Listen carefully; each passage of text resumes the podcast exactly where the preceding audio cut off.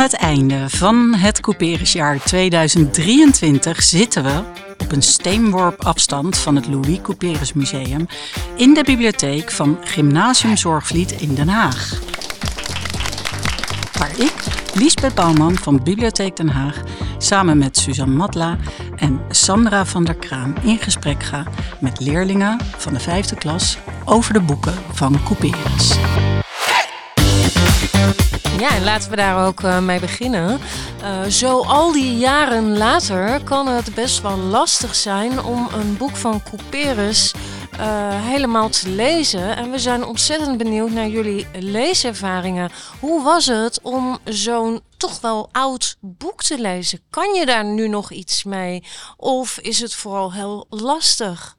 nou, ik vond op zich, als je een hertaalde versie had, vond ik het wel prima te lezen. Maar ja, de omgeving waar zij in leven was wel heel anders. Met ja, de positie van vrouwen en zo. Ja, welk boek heb je gelezen? Uh, ik had van oude mensen dingen die voorbij gaan. En begon je met het oorspronkelijke werk of uh, ben je meteen in de hertaling begonnen? Ja, ik begon met de, uh, gewoon de originele versie en daar kwam ik eigenlijk echt niet doorheen. Vooral omdat de zinsvolgorde is gewoon best wel raar. Maar de hertaalde versie was wel te doen. Was beter te doen, dat kan ik me goed voorstellen. Uh, naast het taalgebruik uh, is van de oude mensen, de dingen die voorbij gaan, ook nog wel een lastig boek wat betreft alle personages. Hoe was dat? Kon je dit boek zonder hulpmiddelen verder lezen? Nee, ik vond het heel lastig omdat het over een uh, grote familie gaat met veel, veel verwanten. Um, dus bij de hertaling is er ook een stamboom en daar heb ik echt heel veel gebruik van gemaakt omdat het anders echt lastig te volgen is. Stamboom ernaast en uh, lezen maar. En welk personage is je het meest bijgebleven? Um, ik denk toch mama Ottilie, omdat ze een uh, heel bijzonder karakter is. Uh, er wordt ook gezegd, ja, ze is heel kinderlijk, ondanks dat ze een vrouw van uh, 60 is. En dat, ja, dat vind ik wel een bijzonder karakter. Ja, wat vond je ervan dat haar uiterlijk steeds uh, zo benadrukt werd? Uh, ja, ik, nou ja, ik weet niet. Ik vond het eigenlijk wel een soort hip of zo. Want in die tijd was het uh, natuurlijk niet echt oké okay dat een vrouw zo met al dat uiterlijk bezig is en zo. Maar ik vond het juist wel leuk dat je ook een beetje ziet dat ze ook een soort haar charmes had of zo. En waarom denk je dat het in die tijd niet hip was om met je uiterlijk bezig te zijn?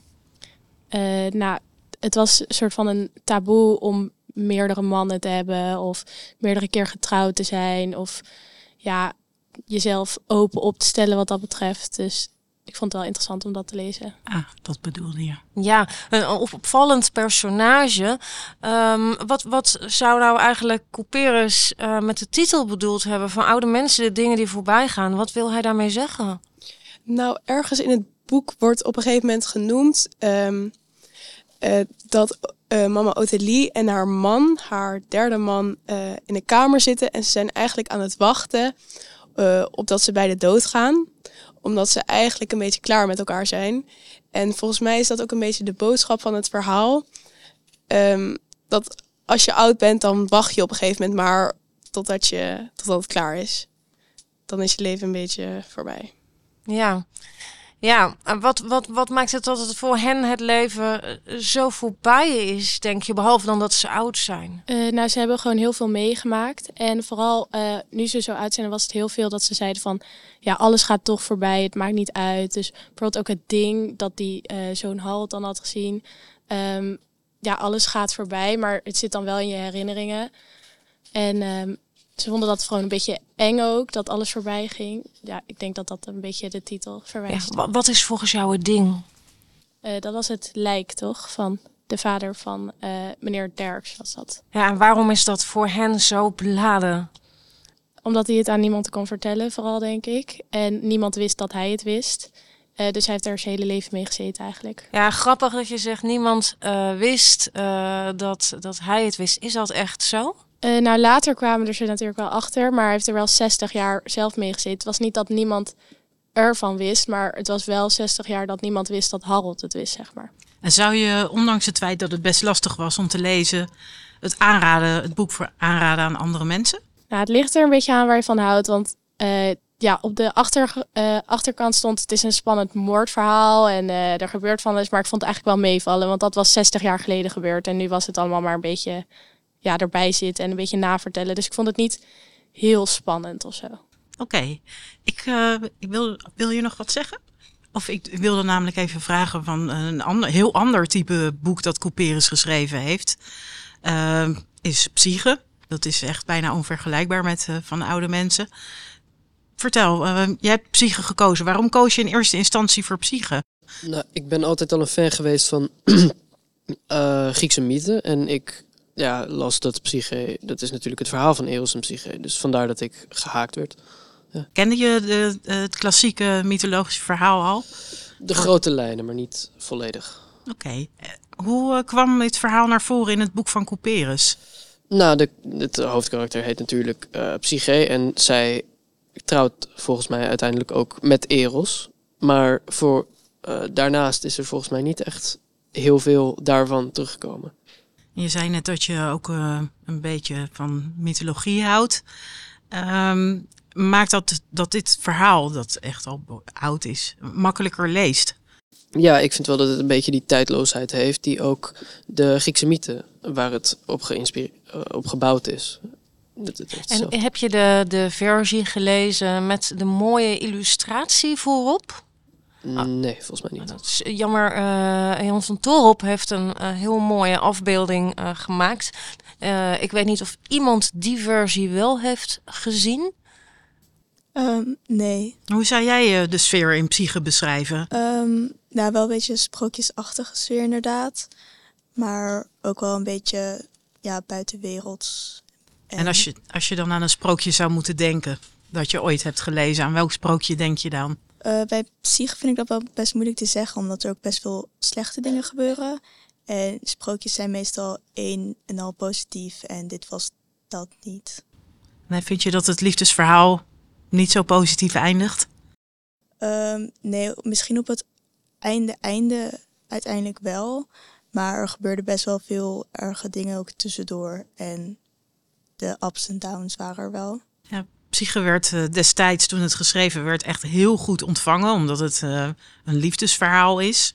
En uh, over de zoektocht naar liefde gaat. Denk je dat je nog steeds iets hebt aan dit verhaal over de liefde? Um, ik denk van wel, omdat het uiteindelijk toch een soort van goed afloopt in, de, in het rijk van de toekomst. Um, waar Psyche weer wordt herinnerd met Eros en, en haar vader, en, Astra. Um, en ik denk dat uh, omdat Psyche uh, eerst met Eros zeg maar, verliefd waren en dat toen Psyche toch we wegliep, als het ware, dat ze elkaar alsnog hebben gevonden. Ik denk dat dat op zich best wel modern is. Dat dat nu ook wel kan gebeuren. Dat oude liefdes elkaar weer vinden. Um, als je dan naar jezelf kijkt, welke les heb jij voor jezelf geleerd over de liefde? Um, ik denk dat uh, ja, Psyche zelf vooral had best wel vaak dat ze van mening veranderde in wat ze wilde in het leven, in de liefde, maar ook met andere dingen. En ik denk dat zij toen elke keer achter elke keuze die ze maakte, maakte ze ook weer fouten, maar dan leerde ze ook weer van die fouten en dan wilde ze weer nieuwe dingen en dan probeerde ze die nieuwe dingen weer. En ja, dat is wel een les, dat je gewoon alles uitprobeert en dan kijk je wel hoe het afloopt. En zou je nou zo'n werken, zou je Psyche nou nog uh, in 2023 aanraden? En zo ja, bij wie? Uh, ja, ik zou het wel aanraden. En ik, van onze leeftijd zou ik het dus zeker aanraden. En ik denk ouder ook. Jonger weet ik niet zeker, omdat het wel even energie kost om er doorheen te komen met het oud-Nederlands. Maar vanaf onze leeftijd wel. Ja, want aan het begin merkte ik dat je dat best wel vervelend vond, het oude taalgebruik. Maar gaan er weg? Ja, Hoe? als je eenmaal vijf minuutjes of zo aan het lezen bent, dan helpt het weer. Dan Even je, je tanden erin zetten en uh, je ja. zit in het werk. Ja. ja. hoe las jij dat? Op welke manier heb je dat boek ook gelezen? Ging je uh, steeds kleine brokjes lezen? Of? Nou, ik ging er vooral best wel globaal overheen. Dus ik accepteerde best wel gewoon het feit dat ik heel veel ook niet begreep. En dan de boodschap achter elk stukje tekst kwam dan wel weer door. Oké, okay, dus als je verder las, dan kwam je toch achter. Ja. Mooi. Um, Even kijken, jullie hebben ook uh, De Stille Kracht gelezen. Dat is ook weer echt een uh, heel ander soort werk. Zou je kunnen ja. vertellen waar De Stille Kracht over gaat?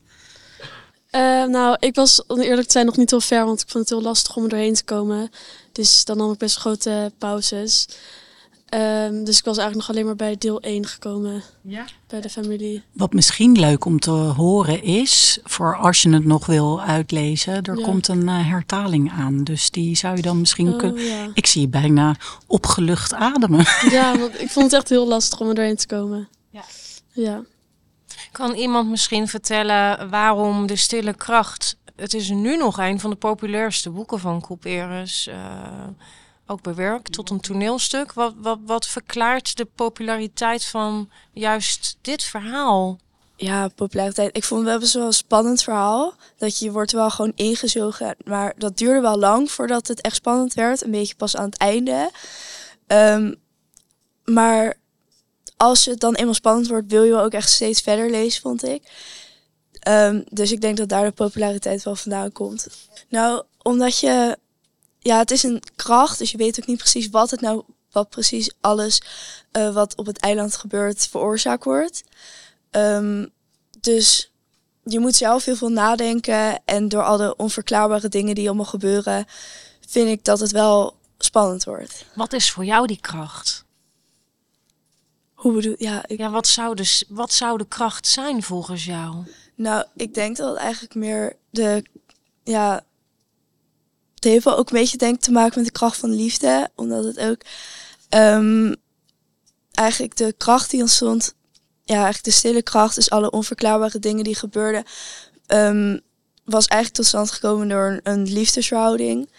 ehm, tussen de, volgens mij was het de stiefmoeder en de zoon. Ehm, dus ik denk dat ehm, doordat de vader daarachter kwam en zo, dat, of dat andere mensen daarachter kwamen, die wouden dan door die stille kracht misschien ervoor zorgen dat die liefdesverhouding werd opgeheven. Ja, het gaat ook eh, in het boek over westerse normen en waarden. Die niet zijn opgewassen tegen de natuur- en oerkrachten van eh, het land waar eh, Nederlands-Indië het zich afspeelt. Merk je daar iets van?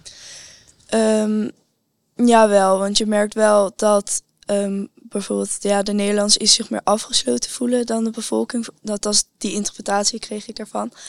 Ehm, maar ook dat je ehm, ja, dat ze ook daarom vonden die stille kracht moeilijk te verklaren vonden, omdat ze niet wisten wat erachter zat. En dan werd er verteld dat in Nederlands-Indië, of in ieder geval de bevolking die daar oorspronkelijk was, eh, allemaal rituelen had en allemaal ehm, ja, bijzondere ehm, tradities had die dan de westerse mensen niet, niet zo goed begrepen. En ik denk dat daar wel een groot eh, verschil in zat, eh, hoe zij ook met elkaar omgingen. Ja, en eh, waarom is dit best wel actueel? Nou, ik denk omdat tegenwoordig ehm, heel veel mensen gewoon bij elkaar komen die allemaal andere, ehm, andere normen en waarden hebben, die dan ook met elkaar moeten zien te leven. En dat is dan soms ook best wel lastig en kan dat ook in botsing komen en onver, ja, een beetje onbegrijpelijke situaties daaruit kunnen voorkomen. Ja, en wat was de onbegrijpelijkste situatie uit dit verhaal voor jou? Nou, ik vond het heel. ehm, ja, op een gegeven moment werd er mevrouw ja, bespat met Syrië, werd er gezegd. Maar ik snapte ook niet zo goed wat dat precies was. Ehm, maar gewoon, ja, alle dingen die in het huis gebeurden, onverklaarbare kloppen. ehm, ja, wisten niet waar dat vandaan kwam. Eh, stenen die werden geworpen. Ehm, maar ook zo'n eh, meneer in een wit gewaad die er rondliep, die kwam ook op het einde heel erg terug.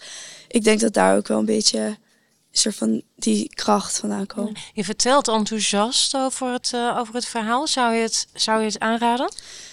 Ja, ik zou het wel aanraden.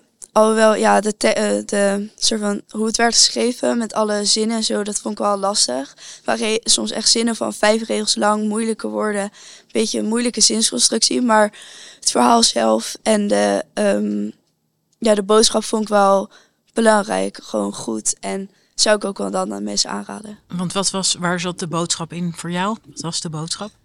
Nou, ik vond meer de boodschap over hoe mensen met elkaar kunnen samenleven. En dat dat ook goed, ehm, dat ze ook echt moeten proberen om met elkaar samen te leven. En ook daar eh, ja, voor inzet in voor te tonen. Oké, Waren er nog meer mensen die het boek hadden gelezen? Of wat vond jij daarvan? Ehm, ik vond er, het verhaal best oké, maar ehm, de manier waarop het was geschreven haalde voor mij wel een beetje de lol eruit. De zinnen waren toch wel, ja, eh, vond ik redelijk gek. eh, gevormd. Waardoor het, snel lezen of het makkelijk doorheen komen toch wel... nou, de snelheid van het lezen ging er heel erg uit. Ehm, maar, nou ja, ik, ik vond het niet het beste boek dat ik heb gelezen. Niet het slechtste, het was oké. Een, eh, een boek dat in het algemeen eh, wordt gezien als iets lichter en iets makkelijker te verteren is Noodlot.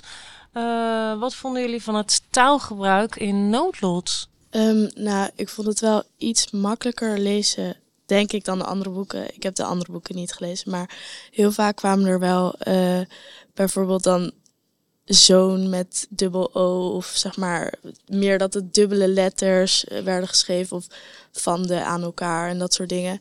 En soms moest ik ook wel twee keer lezen om te kijken, oh wat stond er nou? Maar ik vond eh, dat niet per se een obstakel om het boek door te lezen.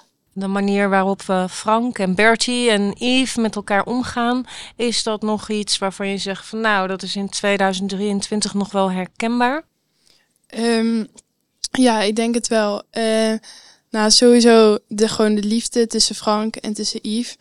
En dan zeg maar Bertie die dat zeg maar obstakelt. Ik denk dat dat wel voorkomt. Ja, vond je Bertie sympathiek?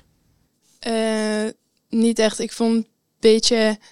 ehm, eh, hij zat er zeg maar een beetje tussenin. En ik vond het een beetje egoïstisch, zeg maar, de acties. Ja, kan, kan je voorbeelden noemen van eh, acties van Bertie die best wel als egoïstisch eh, aangemerkt zouden kunnen worden? Nou ja, als je iemand eh, brieven onderschept die, eh, hoe heet het, die Frank stuurde naar Yves. Ja, dat, dat kan je eigenlijk niet doen. En waarom deed hij dat? Nou, omdat hij, eh, hoe heet het, omdat hij bang was dat eh, Frank en Yves ja, met elkaar weggingen. En dat dan hij ja, alleen zou achterblijven. Ja, ik begrijp, de, hoe heet het, de, de reden vind ik wel begrijpelijk. Alleen, ja, je kan het gewoon eigenlijk niet doen. Maar had Bertie liefdesverdriet of was hij jaloers? Waar zat het hem in dat hij die brieven ging onderscheppen? Ja, ehm, ik denk dat het vooral jaloezie was. Eh, het was ook wel een beetje duidelijk dat hij af en toe jaloers was van Yves. Ja, op wat voor manier was hij jaloers? Ja, ehm, dat heb ik niet helemaal meegekregen. Zou het niet zo zijn dat hij niet zozeer jaloers is op Yves? Nou ja, misschien wel op Yves. Maar dat hij jaloers is omdat hij heel misschien Frank wel een beetje interessant vindt. Nou ja, op bepaalde punten vond ik dat wel een beetje doorschijnen, ja. Ja, kan je daar voorbeelden van geven? Nou ja, op een gegeven moment dan, ehm, dan volgens mij is Bertie eh, allemaal redenen aan het, of manieren aan het noemen om, eh, eh, of nou ja, wat was het, meer beelden aan het oproepen, waarin ehm, die Yves heel erg nou, gepijnigd werd door dat Frank iets verkeerd zou doen of zo. En ehm, ja, ik had wel een beetje het gevoel dat de manier waarop Bertie daarover nadacht, dat dat wel eh, ook wel de manier was van ja, maar dat mis ik eigenlijk ook wel. Die, wat, wat zij nu ontvangt, en dat wil ik nu eigenlijk wel. Ja, je zou kunnen zeggen dat Couperus heel vooruitstrevend was in zijn ideeën. Als je bijvoorbeeld kijkt naar Noodlot en eh, het beeld dat hij had hè, van bijvoorbeeld Bertie. Eh, zou je dat kunnen uitleggen, die vooruitstrevendheid? Ehm, nou, ik denk niet dat echt in een eerder boek al eh, is voorgekomen dat, zeg maar, want kijk, Bertie is eigenlijk gewoon best wel een slecht persoon. Hij wordt best wel slecht neergezet in het boek. Ehm, maar je krijgt wel, zeg maar, de reden waarom hij zo slecht is. Je krijgt, zeg maar, een kijkje in zijn gedachten mee. Ehm, en ik denk dat dat best wel vernieuwend is. Want zeg maar, je ziet niet alleen de dingen die hij doet, maar ook waarom hij ze doet. Wat best wel kenmerkend is voor die tijd. Dus ik denk dat hij in dat, dat Louis Couperus dat op zich best wel vooruitstrevend is met zijn boeken. Ja, En je hebt het boek voor de tweede keer gelezen. klopt. Eh, merkte je een verschil wat, toen je het in de derde las en eh, nu? In de Ehm, vijfde? Ja, ja, wel een heel groot verschil. Want in de derde vond ik het wel gewoon moeilijk. Maar ik denk omdat ik op dat moment ook wel heel erg moest wennen wel aan dat taalgebruik. Ehm, en nu eigenlijk, nu ik het opnieuw heb gelezen, zeg maar, ik wist natuurlijk ook wel wat er zou gebeuren, de verhaallijn. Ehm, maar ik was ook wel meer gewend aan taalgebruik. Dus ik vloog er eigenlijk best wel snel doorheen. Ik had er niet echt meer moeite mee. En heb je nog qua gebeurtenissen iets opgemerkt waarvan je dacht... hé, hey, dat heb ik eerder helemaal niet zo gezien? Nou, wat mij wel opviel, wat daarnet ook wel werd gezegd... is dat ehm, ik denk dus dat Bertie wel misschien gevoelens had voor, Ba- of, eh, voor Frank. Ook omdat het me opviel dat hij best wel vaak eh, negatieve dingen van vrouwen opnoemde. Dus nou, op een gegeven moment had ik dat volgens mij gemarkeerd dat hij zei dat vrouwen eigenlijk gewoon nutteloos was, dat je die niet nodig had in je leven. Dat zei hij dan tegen Frank en dat viel me dan deze keer wel op, wat me vorige keer wel ontgaan was. Dus dat is eigenlijk dan nog een extra motief voor hem geweest dan, denk ik, om zijn acties. Wat ik me afvraag is waarom je het voor de. eh, of waarom je het in de derde al ging lezen. Ehm, nou, ik was, nou, ik weet niet, we moesten toen ook al boeken lezen, gewoon voor, ehm, nou ja, wel voor de toekomstige lijst al. En toen kwam mijn moeder weer van, ja, hier ga je echt mijn indruk mee maken. Dus ik dacht, nou, oké, dan lees ik die wel. Ehm, en nou ja, toen dit, deze periode moesten we weer een boek lezen. Dus toen dacht ik, nou, lees ik deze maar opnieuw, want ik had niet echt tijd om een heel nieuw boek te lezen. Slim van mama. Wat zou Couperus ons eh, willen laten zien wat betreft vriendschap en noodlot? Hoe, hoe denkt Couperus over vriendschap? Eh, ja, ik denk dat hij, omdat ook een soort van Bertie een beetje Frank, ja, in die zin verraadt om die brieven achter te houden. Ik denk niet dat hij ook laat zien dat je niet altijd heel erg je vrienden blindeling moet vertrouwen. Dus hij heeft een, een, een wat negatieve kijk op vriendschap. Zijn er andere mensen die daarop, daar iets eh, over kunnen zeggen? Ehm, nou, ik weet het niet echt, misschien wel, maar ik, ik heb het boek nog niet helemaal uitgelezen, maar ja. Zou het zo kunnen zijn dat hij ons wil laten zien dat vriendschap een heel moeilijk iets kan zijn als je bijvoorbeeld niet allebei uit dezelfde klas komt? Ehm, ja, ik, ik weet eerlijk gezegd niet, maar Ehm, ik weet het niet. Ja, als je een vriendschap hebt eh, en de een is heel erg rijk en de ander minder rijk, denk je dat dat invloed heeft op hoe je met elkaar omgaat in die vriendschap? Nou, het zou geen invloed moeten hebben, maar het kan soms wel zo zijn. Ja, en hoe zit dat in die vriendschap hier tussen Bertie en eh, eh, Frank? Ja, Frank is wel rijker dan Bertie. Maar ik ben eerlijk gezegd nog niet heel ver met lezen. Maar zijn er nog andere leerlingen die Noodlot wel hebben gelezen die antwoord kunnen geven op de vraag? Ehm, ja, ik denk dat het ehm, niet heel veel invloed moet hebben. Maar ik zag wel af en toe met een paar activiteiten. eh, dan was het wel lastiger voor Bertie. Maar hij paste zich wel ja, nou goed aan. Hij loog er dan over. Maar Ja, waar loogt hij dan bijvoorbeeld over? eh, waar hij vandaan kwam, eh, over zijn verleden ook. Dus ja. Dus was het een gelijkwaardige vriendschap? Mm, nee, niet echt. Maar nou, het vriendschap zelf wel. Maar sommige dingen moest hij dus aanpassen.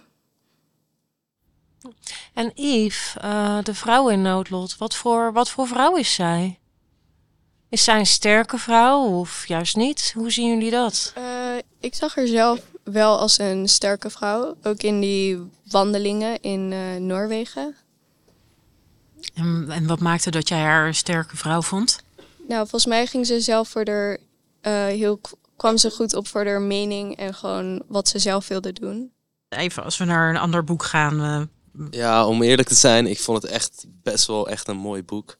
Eh, ik vond vooral voor mooi, mooi dat er in het begin echt eh, eigenlijk vooral vrij weinig gebeurde. En pas toen ongeveer 25 procent, toen gebeurde echt heel veel. Ja, meestal heb je dit niet in een boek. je hebt langs lijnen van geleidelijkheid ja, langs gelezen. lijnen van geleidelijkheid. Ja, Ehm, het gaat ook echt over de emancipatie van de vrouw. Ja, En- pre- ja precies. Eh, dus eh, de hoofdpersoon Cornelie de Rets. Ja, zij schreef dus eh, van die brochures van waarin zij haar persoonlijke ervaring met de echtscheiding heeft ja, opgeschreven in een brochure. En dat vond ja, ik heb ze, ze, ze schrijft zeg maar zelf niet op wat erin staat, maar je weet wel dat ze het schrijft. Ja, en gedraagt zij zichzelf ook zo, zoals zij in die brochures beschrijft? Eh, ja, ze heeft er zelf voor gekozen om eh, nooit meer te trouwen. Want ze was gescheiden van haar ex-man. Ja. Eh, dus nu heeft ze iemand ontmoet, Duco van der Staal. Daar heeft ze een relatie mee. Maar die Duco van der Staal die zou wel heel graag met haar willen trouwen. Maar eh, meneer of eh, mevrouw Cornelie die- de Red, die ziet dat niet zo zitten. Nee. Nee, waarom niet? Eh, ja, zij is heel erg eh, feministisch en heeft ooit de keuze gemaakt om nooit meer te trouwen. Daar houdt zij zich heel erg eh, aan vast. En later merk je eigenlijk pas dat dat niet alleen is vanwege haar feministische eh, denkbeweging, maar ook omdat zij zich nog verbonden voelt met haar ex-man, die ze later weer eh, ontmoet in Nice. Wat vond je van dat einde? Dat is eigenlijk best onverwacht. Hè? Je zou, denken, heel geëmancipeerde vrouw of toch niet? Hoe, hoe denk jij daarover? Eh, nou, het einde ontroerde me wel eigenlijk. Ehm, omdat ik het voornamelijk gewoon heel zielig voor haar vond. Eh, want ze is zo vooruitstrevend. En ehm, ik vond het ook heel knap van haar dat ze zo eh, kon zijn in die tijd. Want je merkt dat al haar kennissen om zich heen zich eigenlijk tegen haar verzetten en tegen haar denkbeweging. Eh, maar daar trok zij zich niks van aan, want zij was gewoon heel blij met dat ze met eh, Duco en eh, hun leven in het atelier. Maar dat zij uiteindelijk dan zo gedwongen werd om terug te gaan naar het huwelijk, eh, vond ik wel heel zielig voor haar. En eh, ja, ik weet niet, ik had een soort van medelijden met haar wel. Kun je je voorstellen dat dat boek destijds heel wisselend werd ontvangen? Want eh, er werd bijvoorbeeld geschreven dat eh, Cornelie een zeer moordelijk, of een zeer monsterlijk, gevaarlijk en verderfelijk mens was. Herken jij dat ook? Eh, ja, ja. Eh, ik snap destijds dat het natuurlijk eh, niet echt ja, wenselijk is als een vrouw van een man scheidt. Maar in het boek merk je dat niet echt. In het boek is het vooral Duco Staal accepteert dat ze gescheiden is van haar man. Ja, de prins die accepteert dat ze gescheiden is van haar man. Eigenlijk ook die, hoe heet ze, Urania, zij accepteert ook dat ze gescheiden is van haar man. Eigenlijk blijkt iedereen het in dat boek gewoon te accepteren, zoals het ook hoort. Ja. Ehm, in het boek gaat het er ook om dat de mens een levenslijn moet volgen. En dat betekent voor de vrouw onderworpenheid aan de man en zorgen voor de kinderen. Merkte je dat ook? Oh, dat Cornelie eh, die levenslijn keurig volgde, uiteindelijk? Eh, ja, uiteindelijk ehm, ging ze het wel ondervolgen en eh, accepteerde ze het ook wel. Want dat bracht haar tot rust uiteindelijk. Dat ze dacht, nou ja, als ik maar kinderen met deze man krijg, dan heb ik nog wel iets extra's van vreugde dan ehm, Rudolf. Maar ehm, dat was eigenlijk pas op de laatste bladzijde. Voor de rest was zij, eh, hield ze zich heel erg vast aan het idee van haar eigen lijn. En dat dat zonder man kon zijn. Ehm, Wat had je zelf gedaan? als ik haar was. Mhm. Eh, dat ja, vind ik wel moeilijk. Hè? Maar ik denk uiteindelijk, omdat zij eh, Rudolf kent en hij oprecht opschrijft dat hij eh, haar minares Duco dus voor haar voeten neer zou schieten. En ja, ik denk als ik me ook zo had gevoeld voor Duco, dat ik eigenlijk hetzelfde zou hebben gedaan. Omdat je niet zou willen dat iemand voor je voeten neergeschoten zou willen worden als je echt om die persoon geeft. Wat zou de visie van Couperus op het huwelijk zijn, denk jij? Eh, ik denk dat hij redelijk dezelfde gedachten had als Cornelie. En ehm, dan ook best wel feministisch zou zijn. En niet dat iedereen per se moet trouwen om iets te kunnen of eh, in de maatschappij iets te worden. Eh Couperus zelf had een verstandshuwelijk met zijn vrouw. Eh, dus ze waren bevriend, maar verder was er niet zo heel veel meer.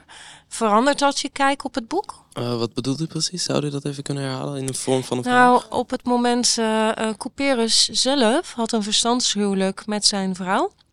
Eh, dus zij waren goed bevriend, eh, maar daar hield het wel mee op. Verandert dat nou jouw kijk op het einde van dit eh, verhaal? Ja, ik vond het einde een beetje apart. Ik zou het zelf niet zien aankomen, omdat natuurlijk eh, de echtgenote, de ex-echtgenote, haar heeft mishandeld. Ja, dat is niet heel netjes.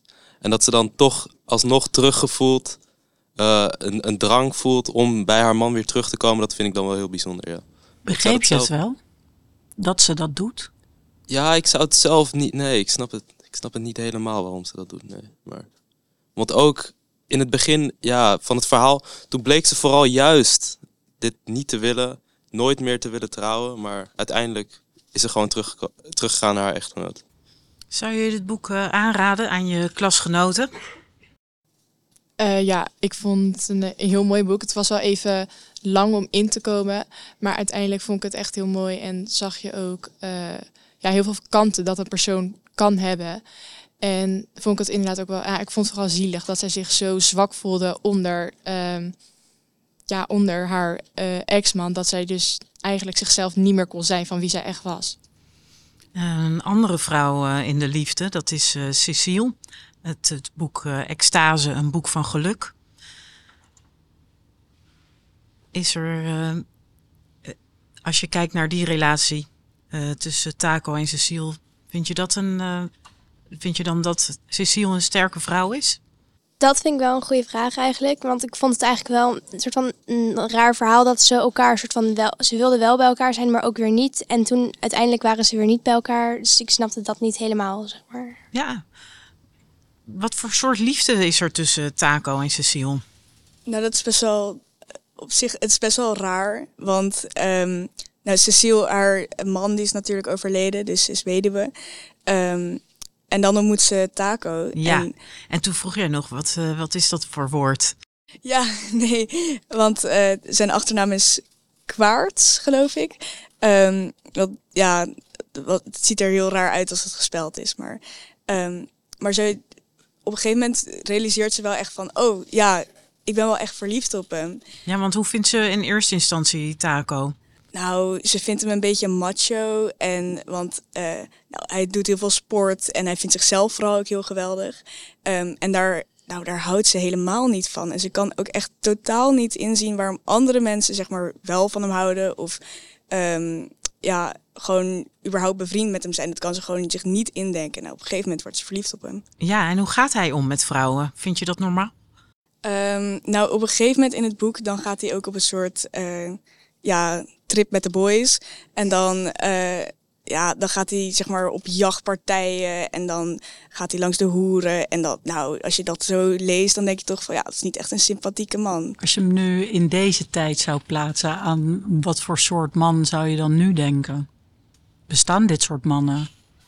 Eh, ik weet niet precies wat voor soort man, maar hij is in ieder geval niet heel loyaal. Eh, ik denk dat deze man nog steeds wel, eh, in deze tijd ook nog steeds wel bestaat, zeg maar.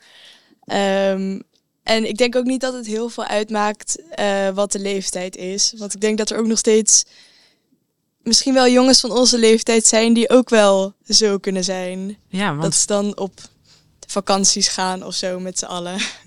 Ja.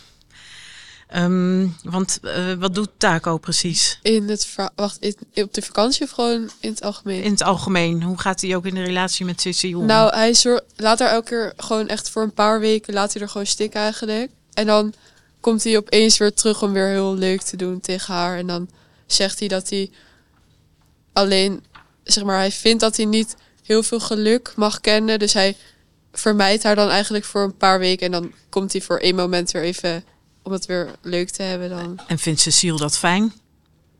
Ehm, nee, volgens mij niet. Volgens mij, nou, ehm, Wat weet het verwacht zij eigenlijk- van de relatie die zij met elkaar hebben? ehm, ik weet het eigenlijk niet meer precies. Eh, Want wat, wat, wat vindt Cecile zo leuk aan Taco in de relatie? Nou, ze vereert hem echt als een soort god. En ehm, ze heeft heel erg gezegd, op een gegeven moment zegt ze ook... eh, ja, hij zegt dit en dat. En dus hij, zal wel gelijk hebben. Dus als hij zegt van dat hij, even, dat hij het even rustig aan moet doen... en er eigenlijk gewoon ghost voor, weet ik veel, drie weken... Nou, dan zal hij wel gelijk hebben. Want hij, dat is Taco, weet je wel. Dus eh, ja, ze vereert hem echt heel erg. Ja, en blijven ze ook echt bij elkaar? Ehm, op een gegeven moment, op het laatst, het einde, eh, dan zegt hij ze van, eh, dan gaat hij weg. Ehm, en hij eh, neemt op, dan nog afscheid van haar nadat ze het zeg maar al een beetje klaar hebben gemaakt. Ehm, dus uiteindelijk blijven ze niet bij elkaar, wat ik niet had verwacht. Ik dacht eigenlijk wel van, oh, ze komen wel gelukkig bij elkaar, maar dat was niet. Ja, want wat is de hoogste liefde volgens Couperus? De hoogste vorm van liefde? Ja, nou, de extase waar het dus zeg maar ook over gaat. Maar ehm, ja, ze hebben het er heel veel over, maar ik kon het er niet, ik, ik kon niet echt zeg maar precies weten waar ze het nou precies over hadden. Maar nou, gewoon de hoogste vorm van liefde, dat je dus eh, elkaar hebt gevonden, volgens mij is dat het. Ja. Ik hoorde net een bel gaan. Ja, is dat, dat is is de bel voorbij? alweer. Ja. Ja. Wilde Oh. nog iemand iets kwijt over Couperus? Ja, of over een boek dat je wil aanraden. ehm. Er is hier iemand die nog iets wil zeggen. Ehm, over de betekenis van psyche. Ik vond het juist niet heel erg over de liefde gaan. Ik vond het juist eerder gaan over tevredenheid. Want aan het begin zat zij in haar kasteel en was zij niet tevreden met haar leven daar. Uh, daarna ging ze met Eros mee. Daar was ze ook niet tevreden. Ging ze ook weer weg. En dat elke keuze dat ze wegging, bleek achteraf niet goed te zijn. Dus volgens mij is wat Couperus hier probeert te zeggen niet uh, heb iets lief, maar eerder uh, wees blij met wat je hebt en blijf daar dan ook bij. Heel mooi, dank je. Hartstikke bedankt allemaal. Ja, Louis Couperus, wat een topgozer.